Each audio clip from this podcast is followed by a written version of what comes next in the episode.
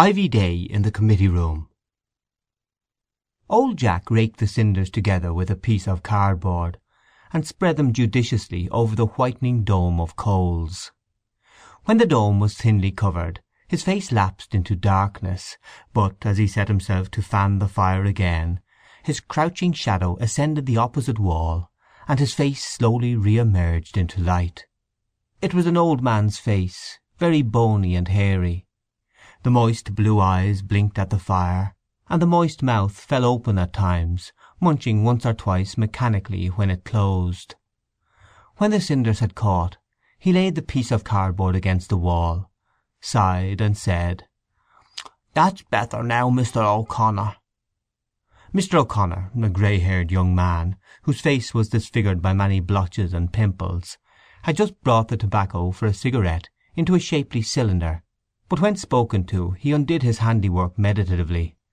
Then he began to roll the tobacco again meditatively, and after a moment's thought decided to lick the paper. "Did Mr. Tierney say when he'd be back?" he asked in a husky falsetto. "He didn't say." Mr. O'Connor put a cigarette into his mouth, and began searching his pockets. He took out a pack of thin pasteboard cards. "I'll get you a match," said the old man. "Never mind, this'll do," said Mr. O'Connor. He selected one of the cards, and read what was printed on it. Municipal Elections. Royal Exchange Ward. Mr. Richard J. Tierney, P.L.G., respectfully solicits the favour of your vote and influence at the coming election in the Royal Exchange Ward. Mr. O'Connor had been engaged by Tierney's agent to canvass one part of the ward, but as the weather was inclement and his boots let in the wet he spent a great part of the day sitting by the fire in the committee room in Wicklow Street with Jack, the old caretaker. They had been sitting thus since the short day had grown dark. It was the sixth of October, dismal and cold out of doors.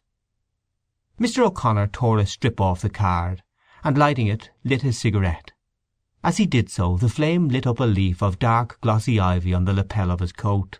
The old man watched him attentively, and then, taking up the piece of cardboard again, began to fan the fire slowly while his companion smoked. "Ah, yes," he said, continuing. "It's hard to know what way to bring up children. Now who'd think he'd turn out like that? I sent him to the Christian Brothers, and I done what I could for him. And there he goes, boozing about. I tried to make him some way decent. He replaced the cardboard wearily. "Only I'm an old man now I'd change his tune for him.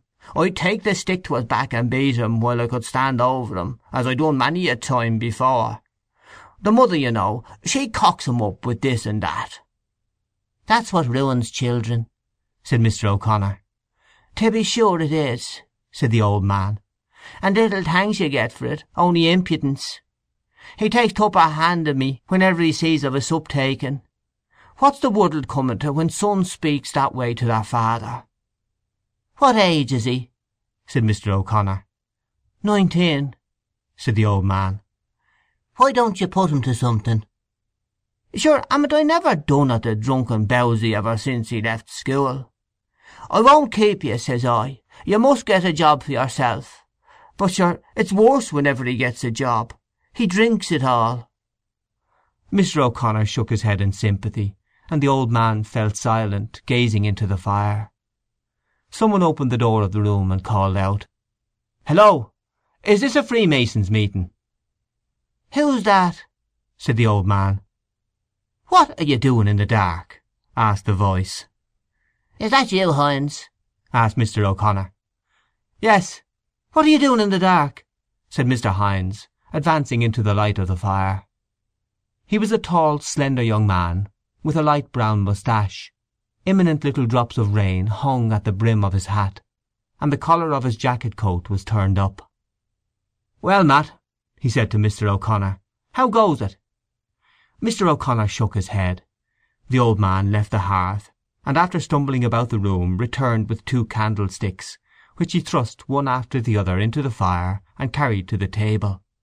A denuded room came into view, and the fire lost all its cheerful colour. The walls of the room were bare, except for a copy of an election address. In the middle of the room was a small table on which papers were heaped. Mr. Hynes leaned against the mantelpiece and asked, "Has he paid you yet?" "Not yet," said Mr. O'Connor. "I hope to God he'll not leave us in the lurch to night." Mr. Hynes laughed. "Oh, he'll pay you, never fear," he said. "I hope he'll look smart about it if he means business," said Mr. O'Connor. "What do you think, Jack?"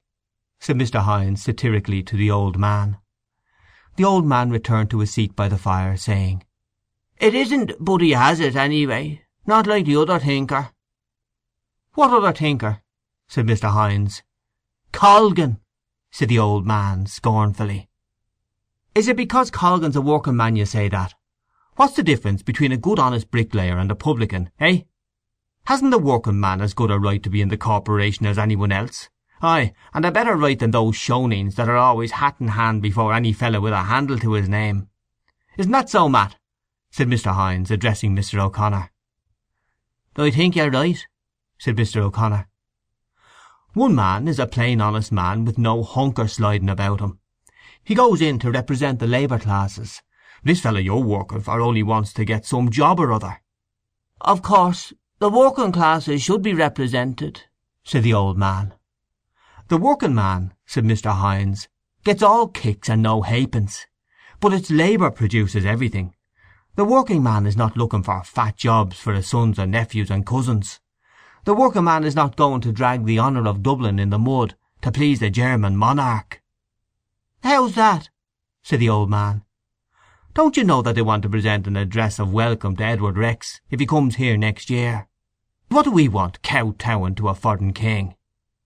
"Our man won't vote for the address," said Mr. O'Connor. "He goes in on the Nationalist ticket." "Won't he?" said Mr. Hynes. "Wait till you see whether he will or not. I know him. Is it Tricky Dicky Tierney?" "By God, perhaps you're right, Joe," said Mr. O'Connor. "Anyway, I wish he'd turn up with the spondulics." The three men fell silent. The old man began to rake more cinders together. Mr. Hynes took off his hat shook it, and then turned down the collar of his coat, displaying as he did so an ivy leaf in the lapel. "If this man was alive," he said, pointing to the leaf, "we'd have no talk of an address of welcome." "That's true," said Mr. O'Connor. "Musha, God be with them times," said the old man. "There was some life in it then." The room was silent again. Then a bustling little man with a snuffling nose and very cold ears pushed in the door. He walked over quickly to the fire, rubbing his hands as if he intended to produce a spark from them. "No money, boys," he said. "Sit down here, Mr. Henchy," said the old man, offering him his chair. "Oh, don't stir, Jack, don't stir," said Mr. Henchy. He nodded curtly to Mr. Hynes, and sat down on the chair which the old man vacated. "Did you serve Aungier Street?" he asked Mr. O'Connor.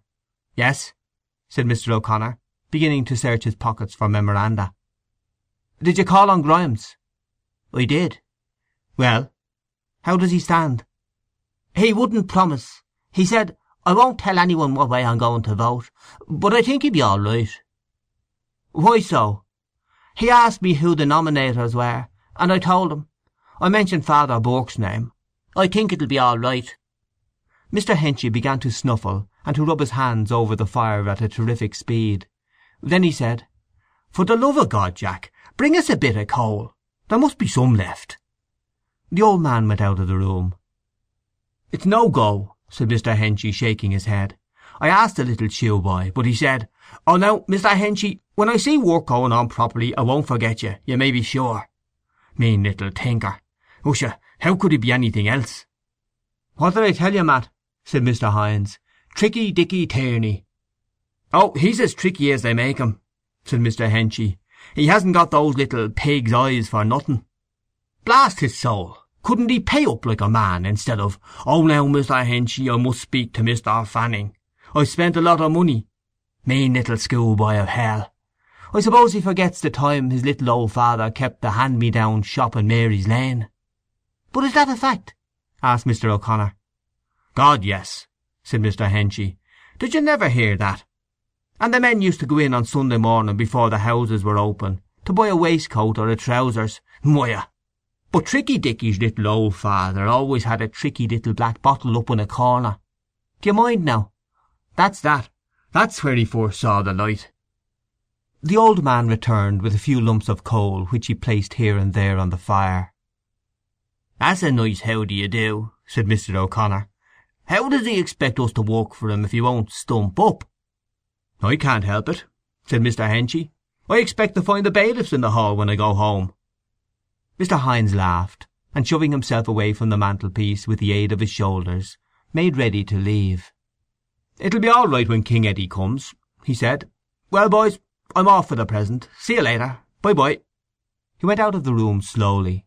Neither Mr. Henchy nor the old man said anything, but just as the door was closing Mr. O'Connor, who had been staring moodily into the fire, called out suddenly, uh, "Boy, Joe!"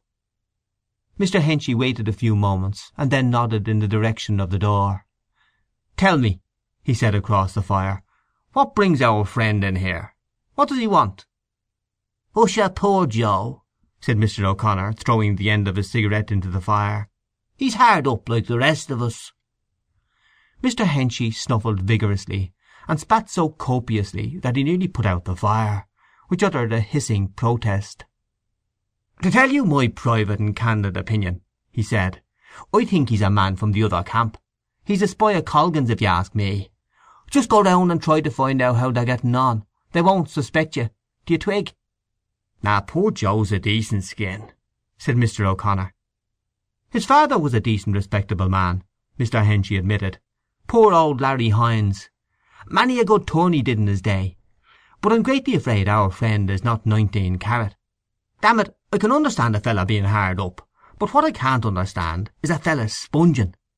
Couldn't he have some spark of manhood about him? He doesn't get a warm welcome from me when he comes, said the old man. Let him work for his own side and not come spying around here.